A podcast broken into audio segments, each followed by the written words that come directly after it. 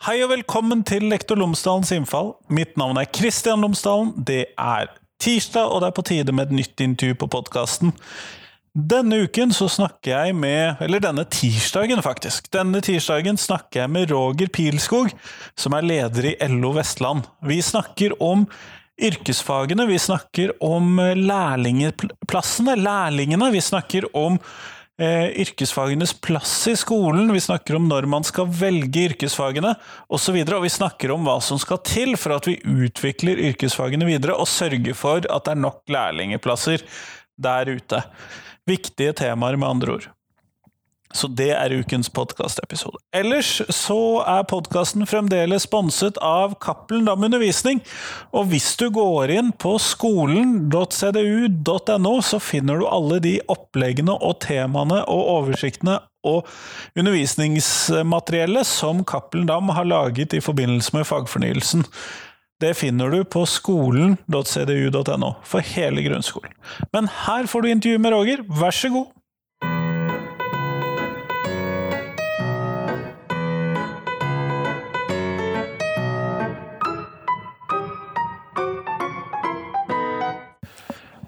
Roger Pilskog, tusen takk for at du tok deg tid til meg i dag. Jo, takk for at uh, du ville hadde nær sagt høre på meg. ja, og det er vel kanskje et riktig ord, men før vi starter podkasten, så hadde jeg håpet at du kunne fortelle lytterne mine tre ting om deg selv, sånn at de kan bli litt bedre kjent med deg. Tre ting om meg sjøl. Jeg er da tilflytter i Bergen. Uh, alle tror jo jeg er bergenser når de hører dialekten, da, ja, bortsett fra de i Bergen. Uh, men uh, jeg flytta hit for mange år siden, og Bergen har tatt godt imot meg. Jeg jobber nå som, nei, som regionleder i LO. Vi var distriktssekretærer inntil 2020. Så ble vi regionledere med regionsreformen. Og jeg antar at det at du vil snakke med meg, har kanskje bakgrunn i at jeg i flere år har deltatt i yrkesopplæringsnemnda sitt arbeid, som da uh, har uh, gir råd til uh, fylkespolitikerne i forhold til videregående skole. Og i flere omganger så har jeg vært leder av den nemnda, og det er jeg også nå. Ja, og da er du jo helt riktig person, fordi at det, vi skal prate om i dag, det er jo yrkesfagenes plass i skolen. Uh, og kanskje til og med litt om lærlingordningen osv. Men hvordan tenker du ståa er for yrkesfagene sin status og plass i skolen i dag? Jeg tenker at uh, statusen er god, uh, men det varierer litt fra skole til skole. Og det varierer litt hvordan yrkesfagene blir vurdert av andre grupper i samfunnet. Men generelt vil jeg si at det er god status på, på yrkesfag. Og det gjøres mye godt arbeid rundt på skolene i fylket. Mm.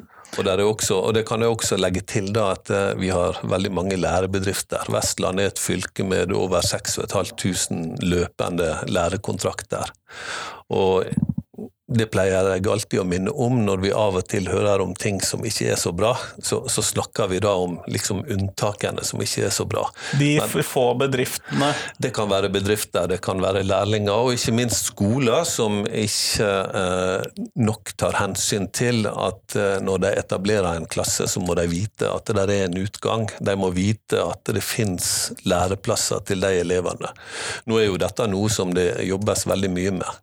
Eh, altså det systematiseres og det trykkes på. Eh, vi måler nå skoler hvor flinke de er på å få elevene sine ut til en læreplass. Og det er klart Opp igjennom så har vi jo sett et par uheldige utslag som Altså, hvis en skole driver da med den yrkesfagklasse, og så kan du fort eh, se at eh, det finnes ikke noe arbeidsliv eh, i nærheten av den skolen som kan ta imot lærlinger. Og, og da gir det seg sjøl at det, det, er ikke sikkert det går så bra. Det kan godt hende det går ganske dårlig. At mange av disse kommer til å slite med å få en læreplass. Så. Men eh, generelt så er bildet for lærlinger veldig bra. Men hvordan tenker du at eh, hva skal vi kalle tilfanget av elever inn til yrkesfagene er? Får, får vi nok elever inn i yrkesfagene slik det er i dag? Både ja og nei. Altså, det har jo vært mye snakka om dette med at det er mangel på læreplass. Eh, noe som i stor grad ikke alltid har vært riktig. Ta f.eks. på elektrofagene, som i mange år har vært en vanskelig plass å få lærlinger inn. Uh, men uh, altså, du kan ikke skyte på bransjen. Bransjen er en bransje som tar imot om lag 20% av arbeidsstokken som lærlinger, og det er et høyt tall. Vi pleier å si at uh, hvis en bedrift skal ta, ta, opp naturlig turnover ved å lære opp ny faglært arbeidskraft, så bør de ligge på ca. 10 hvis, Så 20% er ganske bra? 20% er ganske bra, og det har også en forklaring, for at det er veldig mange innenfor elektrofagene som går videre de utdanner seg mer etterpå og blir ingeniører, litt sånn forskjellig. Så Derfor har de lagt seg veldig høyt. Altså 20 da, da snakker du jo om at eh, Hva blir det da? Én av fem er, er lærling. Og hvis du da vet at uh, disse bedriftene ser jo ulike ut, og det er noen som da har mer enn én av fem som lærling, ja, de gjør en god jobb. Og da, da tenker jeg at du kan ikke si at det er forferdelig med disse bedriftene som ikke tar imot lærlingene. Det er en annen plass feilen ligger, og det er da i skolen, fylkeskommunen, som, som da i sin iver etter å tilfredsstille elever sitt førstevalg, uh, da etablerer flere klasser enn der egentlig marked for, hvis du skal bruke et sant ord. Altså, men altså, arbeidslivet tar imot mange nok. Mens i andre områder, eh, flere av byggfagene, så er det jo sånn at uh, det er ikke nok lærlinger. De skriker jo etter lærlinger. De får ikke det de vil ha. Sant? Så, så det er en stor mismatch, da, og, og, det baseres da dels på, dels på elevene sitt valg, dels på råd de får på skolen, dels på politikere som gjerne vil opprettholde klasser. Altså det er mange ting som kommer inn i dette. da. Men, men vi som arbeidslivets parter. Nå snakker jeg på vegne av to parter, da. men uh, vi har alltid vært veldig opptatt av at uh, det vi gjør i yrkesfagene må henge sammen med de behovene som finnes der ute, slik at uh, elevene kan sikres læreplass. Ja, men, og Du snakker nå om her disse rådene som elevene får. og jeg som kommer fra en hva skal vi kalle akademisk bakgrunn, da, Eh, jeg har jo ikke akkurat alltid oppfattet at yrkesfag var en mulig vei, og det, tro, det, har det jo vært en del undersøkelser som viser at særlig akademikerforeldre er litt skeptiske til å sende barna sine til yrkesfaglige utdanninger. Er det et bilde som du kjenner igjen? Ja, jeg vet ikke om jeg spesielt skal si akademikerforeldre, men altså at foreldre i det hele tatt kan bli skeptiske når de leser aviser om at det er krise. altså den og den får ikke læreplass. Altså Det er jo veldig ødeleggende for hele fagutdanninga. Samme hvor du er henne, så, er det rett og slett ødeleggende. Så hvert sånt negativt oppslag det vil jo gjøre at foreldre blir veldig skeptiske. Er det noe så lurt dette, da? og eh, og der er jo flere ting oppi det, da. Altså Vi ser jo f.eks. at på noen fag så eh, kan det nesten virke som at eh, elever tenker at eh, la oss gå VG1 og VG2 eh, på yrkesfag, og så skal vi ta VG3 studieforberedende, og så er vi klar. Uh, ulempen med det, da, det er jo at uh, Sist jeg så et tall på det, og det er en stund siden, men da var stryken på de som gjør det valget ca. 50% og det er veldig høyt. Og det handler nok noe om at uh, vi har jo mast om at uh, teori på yrkesfag må være yrkesrelevant. Så det er vel ikke at alle sammen er spesielt dumme eller svake, men det handler om at de har en annen innretning på teorien sin uh, til til de yrkesfagene eh, enn det som de har hatt på studieforberedende. sånn at når du tar det hoppet fra VG2 yrkesfag til VG3 studieforberedende, det, det er nok et ganske tøft løp. Det er i hvert fall min oppfatning av det, da, uten at jeg skal påstå at jeg har stor empiri, annet enn at det, vi ser der er vanvittig stor strykprosent. Mm. Eh, og det gjør man jo, og det tror nok jeg, jeg, kan forstå at det kan være vanskelig, fordi at alle fagene man tar i løpet av en sånn studiespesialiserende løp, bygger jo opp til at man skal gå dette tredje året, mens ja. det gjør jo ikke fagene på yrkesfag. Nei. Nei, og det er heller ikke meningen at de skal. Altså, de skal jo de skal yrkesforberede deg mer. Da. Det, altså, du skal ha yrkesrelevans i det du gjør. Og det har jo også handla om at uh, man har jo snakka my mye om at det er mangel på motivasjon, og at man ikke forstår hvorfor man skal ha teori, men at hvis du bare gjør den mer yrkesrelevant, så blir teorien også lettere å svelge. Og, det tror jeg på, at slike ting fungerer. da. Eh, og dermed så eh, får du jo den distansen på de to retningene. Så løsningen er nok ikke løsningen er egentlig ikke å ha det sporet der. Altså Nå har man jo laga åpningen for at alle som tar fagbrev, de kan ta et fjerde år og bli studieforberedt. Da er du også litt mer moden, og du er litt mer klar for å ta den øvelsen, hvis det er det du absolutt vil. Så jeg tenker at det mest riktige hadde vel kanskje vært å stenge den døra. At du Altså at du måtte via fagbrevet for å komme ja, deg inn på påbygg? Ja, og at det, det, var noe du var klar over når du gikk. Men så er det jo vanskelig òg, da. For det er jo Altså du snakker jo om at det er folk på ungdomsskolen som skal gjøre disse valgene. Og da vet Ja, du velger jo dette tidlig. Velger det altfor tidlig på en måte, og så er det er det jo da hva virker på deg, da. Jeg har tenkt tilbake, hva virker på meg? Jeg fant jo ut at nei, jeg skal i hvert fall ikke mer skole. Men uh, så ble det til at jeg tok et år likevel, da, for at alle kameratene gjorde det. Og da gjorde jeg akkurat det samme som de. og fant ut etter det året at det skal jeg i hvert fall ikke bli. fikk det bekreftet? ja, fikk bekreftet. Det der var, ikke, det, var jo ikke, det skal ikke bli. Men uh, og, og, så er det jo sånn at uh, mor har jo ofte veldig sterk innflytelse, da, fortelles det. Forskningen forteller det, at mor er visst den som har mest innflytelse. da. Og Da spørs det jo hva mor vet. Og så kommer det jo dette med rådgiverne på skolen. Og de har jo vært Ja, for det hadde jeg tenkt å spørre deg om. Ja.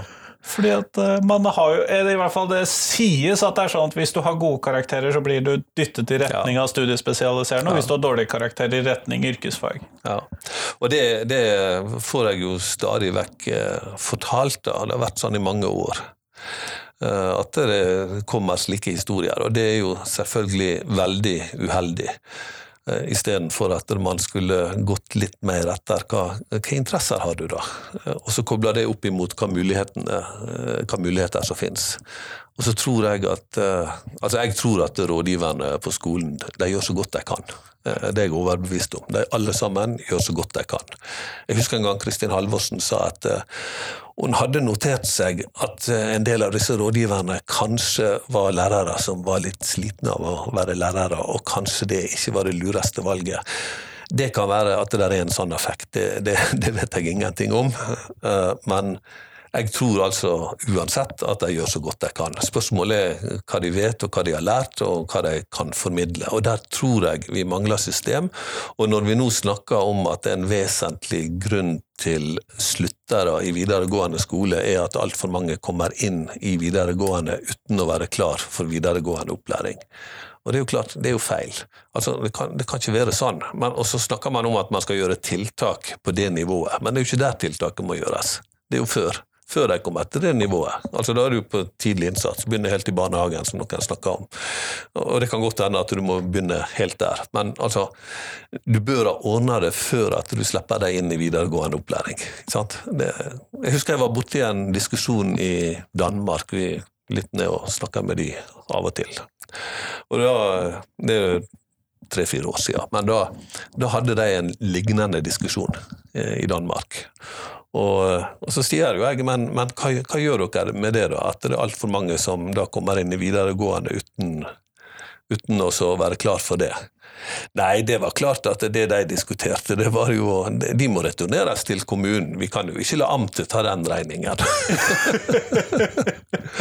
Nei, hva som skjedde, det, det, vet jeg ikke. Men det var den korte konklusjonen, sånn som danskene av og til har da. Det var, var logisk.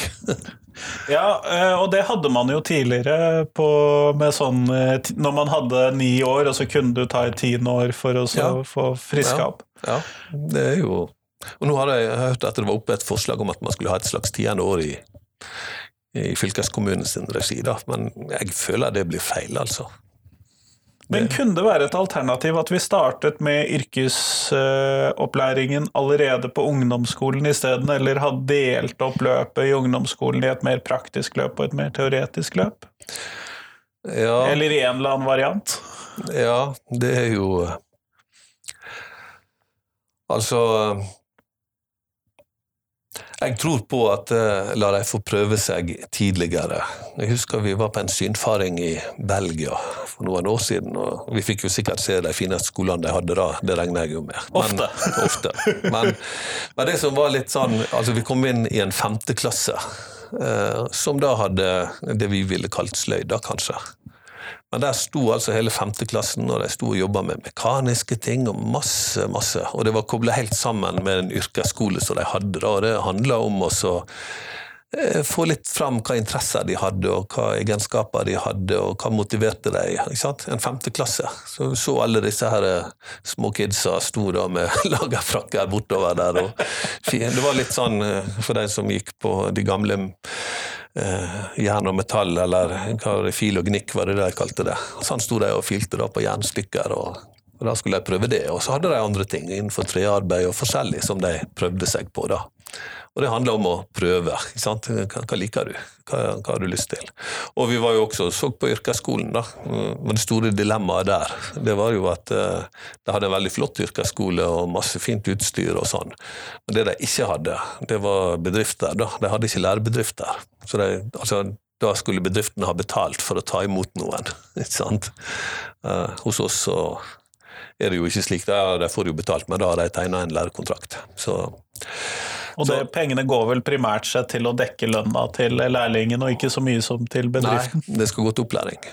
Det er Pengene som de får i støtte, går til opplæring. Altså, Det jo, henger jo helt tilbake til Reform 94. Da, så ble det jo bestemt da, at læretiden er normalt to år. Eh, og eh, den halve tiden det er opplæring, den andre halve det er arbeid. Og det, den halve tiden får du arbeid for. Og Derfor skal du også i løpet av læretiden ha ett års fagarbeiderlønn. og det blir jo sånn da at Hvis du har to år, så begynner mange tariffavtaler har det jo sånn du begynner på 30% og så er det 50% og 70 og, og sånn. Altså det er delt opp, du, så du øker i lønn for hvert halvår. Men det er ikke alle som har det sånn. Noen har liksom at du får 40 eh, første året, og så får du 60% andre året. Så det, er litt ulikt, men summen er du får en fagarbeiderlønn i løpet av læretiden. Det er meningen.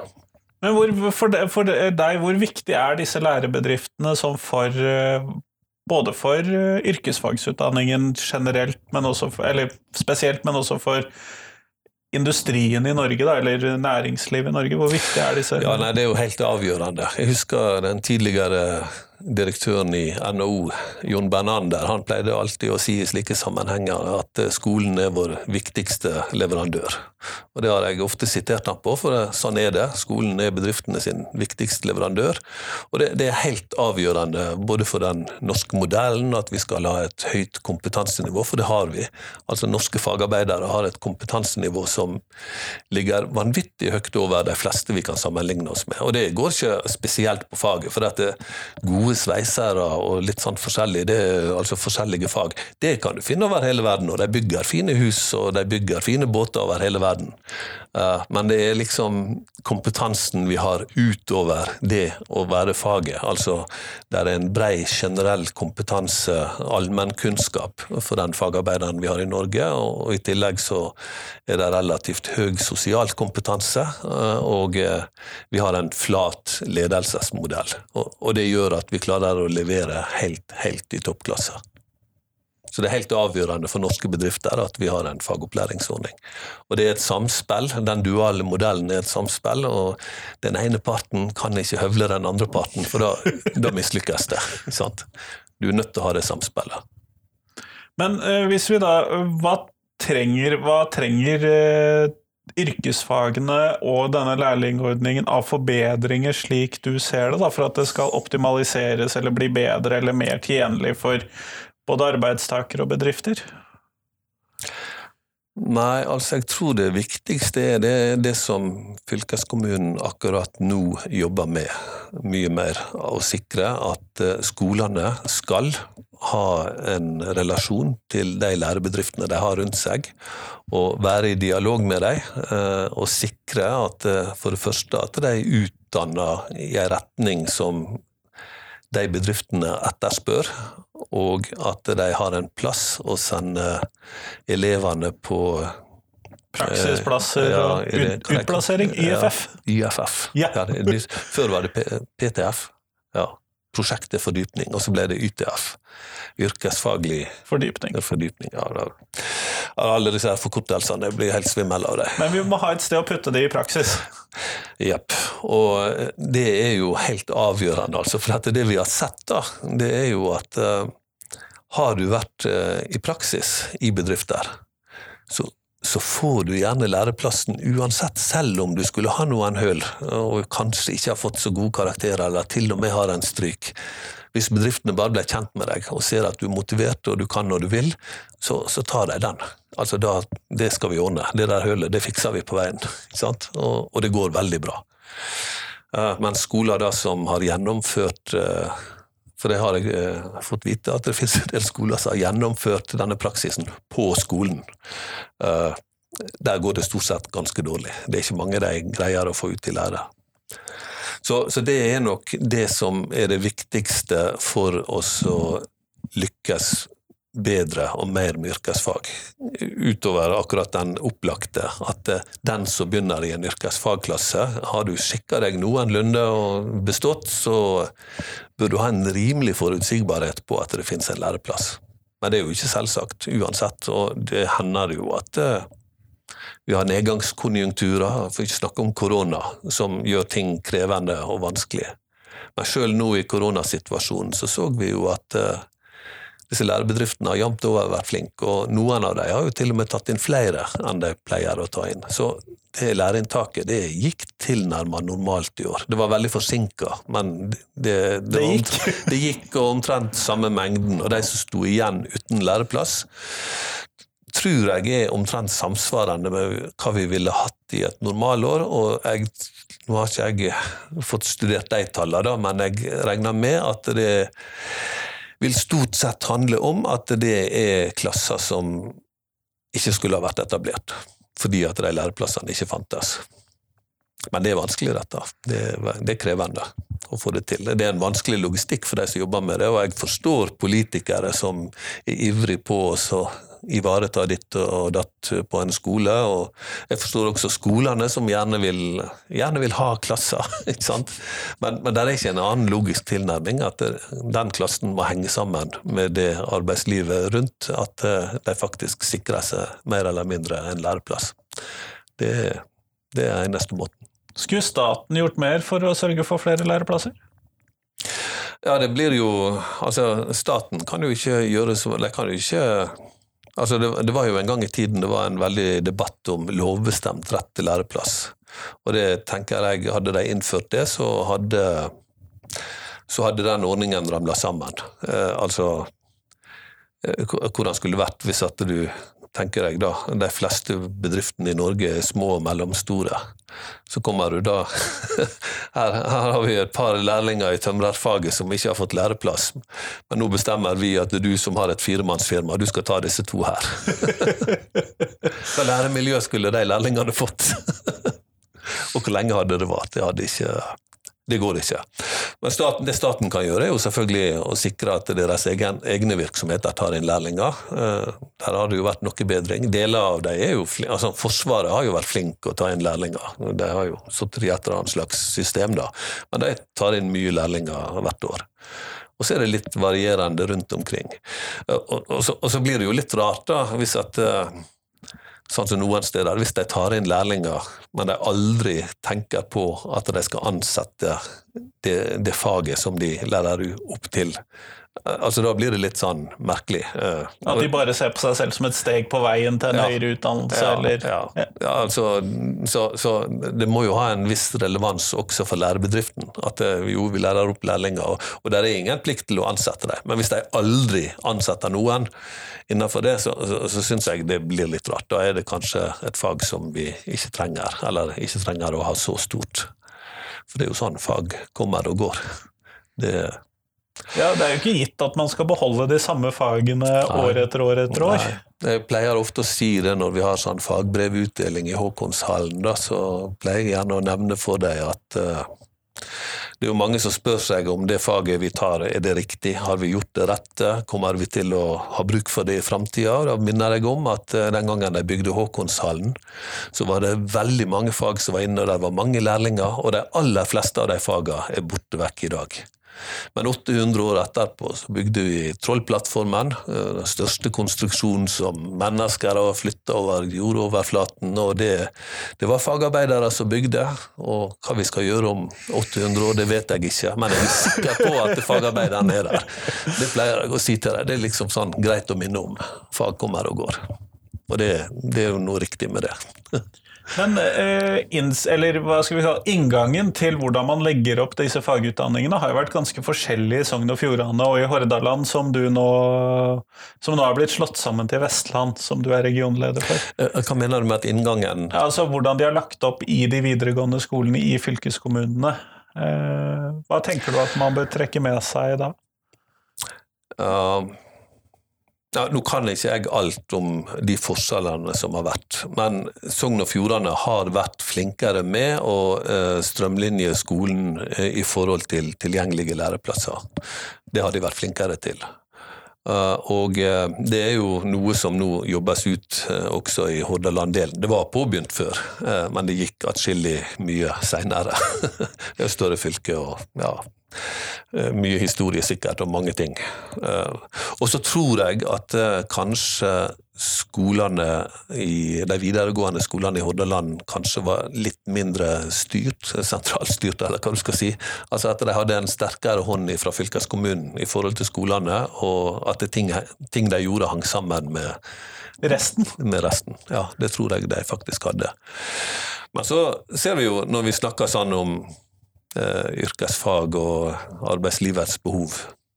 Og det, det, er jo noe som har blitt veldig klart for meg. Altså, vi har jo hatt eh, i Hordaland òg, men altså, det har blitt veldig synlig for meg da, i forbindelse med at vi ble Vestland. At vi har Eksempelvis i Årdal så uh, har de en videregående skole, og der har de en stor industribedrift, Hydro, som sier vi tar hele klassen omtrent. Altså det tar sånn, ja, ja, og det er snakk om å få opp den klassa. Og så hadde jo da administrasjonen ikke foreslått til fylkespolitikerne at den klassen skulle opprettes. Uh, og det jo, skyldes jo at de samme politikerne hadde bedt administrasjonen om å spare penger. da. Det var vel ti millioner de skulle spare. uh, så det var jo ett av veldig mange forslag, da. Uh, og som yrkesopplæringsnemnd så sier jo vi at eh, men, eh, altså, det skal henge sammen med arbeidslivets behov. Er, og, så, så, vi sier ikke at dere må gjøre det i Årdal, da, men vi bare viser til en rekke sånne ting og henger sammen med arbeidslivets behov. Det er etterspurt, de får læreplass, da bør fylket tilby klasser. Sant? Men så er det jo sånn, da tilbyr altså klassen settes opp, søkbar, og så skal de søke. Og så kan det jo vise seg at han likevel ikke blir oppretta, for det er ikke nok søkere. Ja, Man må jo ha noen å putte inn der også. Ja, nettopp. Ungdommen må søke det. Og hvis de ikke søker det, så er det jo sånn at det kan de jo ikke godt uh, kan ikke skyte administrasjonen, i hvert fall, eller kanskje litt politikere. Jeg vet ikke, hvem skal du skyte? Altså, men da har du i hvert fall gjort et forsøk. For du har gjort et forsøk. Men, men, det du da kan begynne å tenke, og det er jo antagelig en realitet, det er at det der er, der er for lite ungdommer. Altså, Det er rett og slett for lite ungdommer til oss å ha alle tilbudene. Så kunne du jo lure da, Nå kjenner jeg ikke jeg Årdal godt, sånn, skolen, altså hvordan, hva klasser de har og sånn. Men du kunne jo nesten begynne å lure ja, eh, hadde det vært mer riktig også tatt ned kanskje litt på studieforberedende til fordel for yrkesfag, sånn at eh, Sånn at du da fikk sikra den veien inn. Det er i hvert fall helt sikkert at de kommer til å få jobb. Og så må vi jobbe med at de som da tar det fagbrevet og har den interessen, må kunne utdanne seg videre. Det er jo denne røde tråden som vi ofte snakker om, da. At du må kunne gå fra fagbrev til høyskolestudier, hva det måtte være.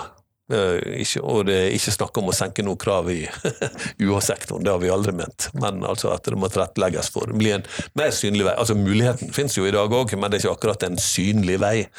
Altså det er ofte sånn, Jeg husker før når vi så disse her eh, da direktoratet, UDIR, satte opp disse grafene over utdanningsveiene i Norge, så så du liksom at de satte opp tok du studieforberedende, så kunne du da liksom gå videre til høyskole og universitet og doktorgrad og i det hele tatt hadde en lang sånn kolonne oppover med eh, utdanningsmuligheter. Og så hadde du den andre retninga, som da var da du kunne ta yrkesfag. Og så var det en kolonne over fagbrev. That's it. Endestasjon. Glemte mesterbrevet, altså?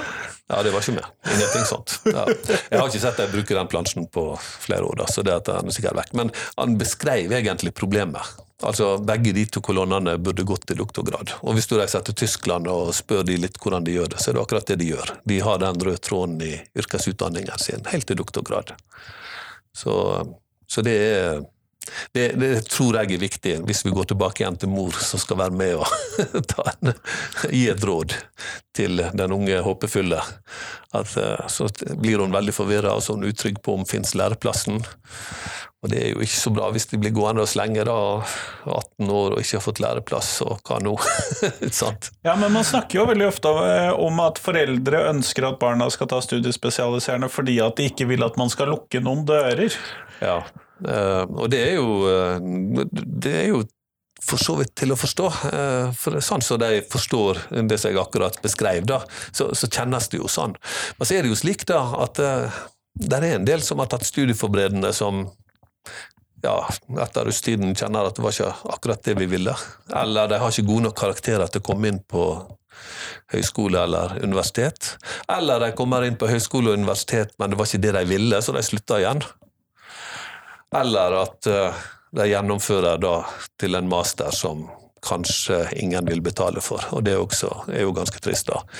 Så, så det å jobbe litt med helheten i det der, det, det, har jeg veldig stor tro på. Og jeg tror på at hvis du har tatt et fagbrev først, uh, og så uh, tar en studieforberedende tillegg og da gjør et valg, så har du blitt atskillig mer voksen, og du er mye mer reflektert over de valgene som, som, du gjør. da. Du har sikkert både tenkt gjennom ja, er det noen som har bruk for dette, da, hvis jeg utdanner meg til det, får jeg jobb? Så har du kanskje funnet ut hva du reelt sett liker? Da? Det kan også være at du har funnet ut. Så kan du finne ut at jeg har lyst til å utdanne meg mer i det faget jeg har lært, men det kan også være du har funnet ut at dette faget kommer jeg nok aldri helt til å trives med, så jeg utdanner meg videre til noe annet. ikke sant?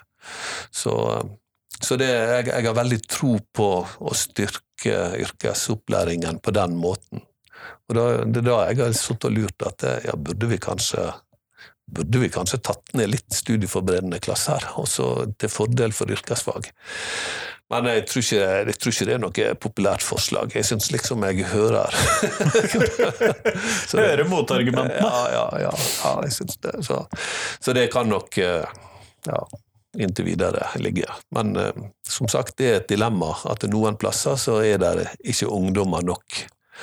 Og det er også et dilemma at eh, de plassene ofte er steder som det er gjerne kommuner som jobber veldig hardt med å prøve å øke befolkningen. altså Der er reell fraflytning, innbyggertallet går ned.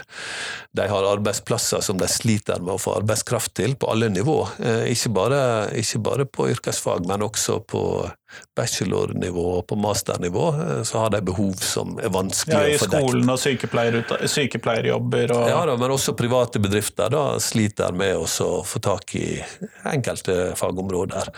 Og, og da, da, tenker jeg litt at ja ja, men det er jo noe med måten vi gjør det på. For at i alle disse mindre kommunene som har slike problem, eh, hva er det de gjør? Jo, de sender ungene på studieforberedende. Og da må de jo reise og studere til Bergen eller Oslo eller Tromsø, hva vet jeg. Og, og da vet vi at det, da er du i den perioden der du gjerne etablerer deg, du får kjæreste. Som kanskje ikke akkurat er fra hjembygda? Som ikke er fra hjembygda, og du får jobb der du er, og så blir du. Du kommer ikke tilbake. Eh, og så har jeg tenkt ja, men hva hvis hva hvis disse kommunene nå hadde gjort en innsats og liksom tatt inn noe flere faglærte, altså flere, flere lærlinger? Litt mer enn de egentlig har behov for, men med den vissheten om at noen av disse lærlingene, når de tar fagbrev, så vet vi at noen av dem må utdanne seg mer. Og så kan høgskolen og universitet legge til rette for at eh, bor du i Luster, helt tilfeldig valgt eksempel, eh, og du har et fagbrev, og arbeidsgiveren har et behov, eller du sjøl har et behov, eller begge har avdekket et behov, så kan de tilrettelegge for en studie der du bor. Kanskje du må inn til Bergen og ta en eksamen og sånn, men at de tilrettelegger for fjernundervisning, og det har vi jo sett nå gjennom korona, de har vært veldig flinke til å få det til. Så, så jeg tror jo veldig på at det, det går an. Og så har jeg lurt litt på, vil modellen virke? Vil ikke det ført til at eh, hvis du var i Luster og tok et fagbrev der, i løpet av den tiden så du har jo så smått begynt å tenke på å etablere deg, du har kanskje etablert deg, du har kanskje, kanskje til og med fått billån og huslån og, og litt sånn forskjellig. Alle disse tingene som ja, binder deg fast. Ja, og du trives, ikke sant. Du trives der du er. Ikke sant? Det er jo poenget. Du trives der du er, og, og, og kan, vil ikke det bidra til at uh, flere hadde valgt å bli? Jeg vet ikke, men jeg har liksom tenkt der er noe der, altså. Noen, noen burde forska litt på det. Ja, det, jeg klarer jo å se for meg at dette ville funke. og du vil jo, Hvis vi da fortsetter med Luster da, som et eksempel, så vil man jo enkelt kunne dra også på sånne samlingsbaserte studier i Bergen, Sogndal, Volda, mm. Oslo for den saks skyld. Ja, ja. Eh, og likevel da klare å få deg en god utdannelse, selv om du ikke nødvendigvis da bor i studiestedet ditt. Ja. Det klarte man jo før internett. det klarte man før internett også, og nå har du enda større muligheter til å, til å få det til. Og verdien av at du har et fag i tillegg til uh, en akademisk utdannelse, den er jo vil jeg si, veldig stor. Og noen plasser så har de jo bevisst jobba for å få det til. Altså tenker jeg da spesielt på TAF-ordningene, som nå har fått ny forkortelse. Det er YSK. har de fått det? Det har ikke jeg fått med meg. ja, ja, YSK. Har ikke det? Nei. Nei vel. Men du vet hva TAF er? Det vet jeg hva er. Og jeg, eh, jeg snakket jo med Framo. De har jo etablert et innovasjonssenter. Eh, altså, jeg antar at de ser for seg at de 20 åra de har foran seg, kommer til å være slik som de 20 åra bak. Eh, altså De må omstille seg en del fra leveranser til olje og gass og slike ting. Være forberedt på at det kommer, det kommer nye tider. Og så er jo det er ikke sikkert det er så mye endra på 20 år for deres del, da, men hvis du tar et 100-årsperspektiv, så er det sikkert en god idé å begynne nå. Og På det innovasjonssenteret så har de jobba helt bevisst med å få fatt i folk på det senteret som starta med en tøff utdanning på mekanisk. Og gjerne kom ifra deg sjøl, aller helst det. At de hadde tatt læretiden sin som tøff elev hos uh, hos uh, TAF-elev og senere lærling da, hos uh, Frammo, og uh, utdanne seg videre. Det er de folka de vil ha inn. Og som han sa, han fortalte det da, at men du skjønner det, sa han, at det, det er noen smartinger, det her. De skjønner både teorien og hvordan det henger sammen når du skal gjøre det. Ja, for det er jo litt synd hvis det ikke henger sammen. Ja, det er jo sånn man av og til opplever. Og det var jo hele bakgrunnen for at uh, man i, tilbake igjen på 90-tallet så var det en del mekaniske bedrifter som fant ut vi har et behov. Uh, og det var at vi trenger, vi trenger å lære opp noen som kan bli ingeniører, men har et fag i bånn. Det var liksom sånn det begynte. Og så har jo det utvikla seg litt, men det, grunntanken ligger der hele tida. Det er det som er meninga. Kjempeflott. Vi går mot slutten av podkastintervjuet, og da skal jeg stille deg det samme spørsmålet som jeg stiller alle jeg intervjuer. Og hva er de tre viktigste tingene som skolen kan lære elevene?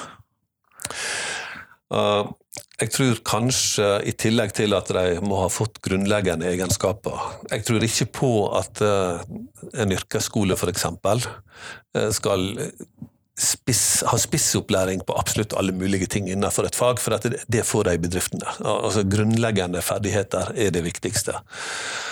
Og så tror jeg at uh, de må lære deg mye mer om arbeidslivskunnskap. Det viser seg gang på gang at uh, når særlig de som kommer ut i lære, men også de som har gjort ferdig et studie eller under studiene får seg deltidsjobber, at uh, det er vanvittig liten kunnskap om rettigheter og ikke minst plikter.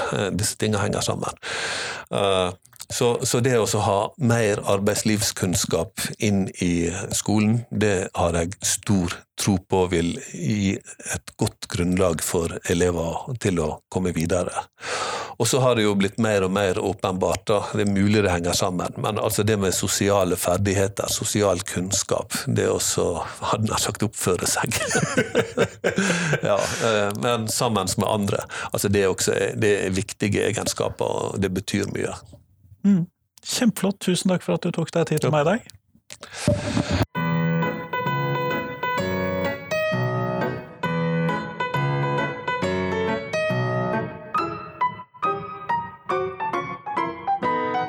Tusen takk til Roger, og tusen takk til deg som hørte på.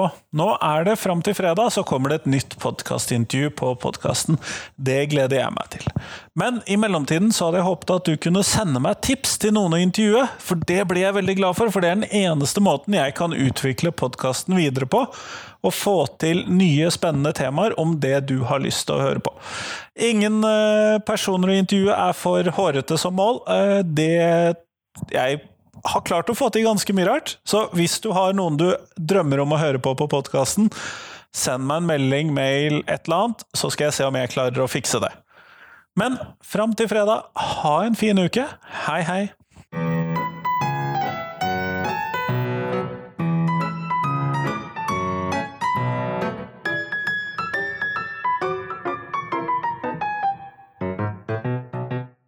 Jeg trenger tips ikke bare om mennesker jeg skal intervjue, men også om temaene jeg skal intervjue folk om. Så send meg gjerne tips til et tema. og Da trenger du ikke nødvendigvis ha tenkt ut hvem jeg bør intervjue.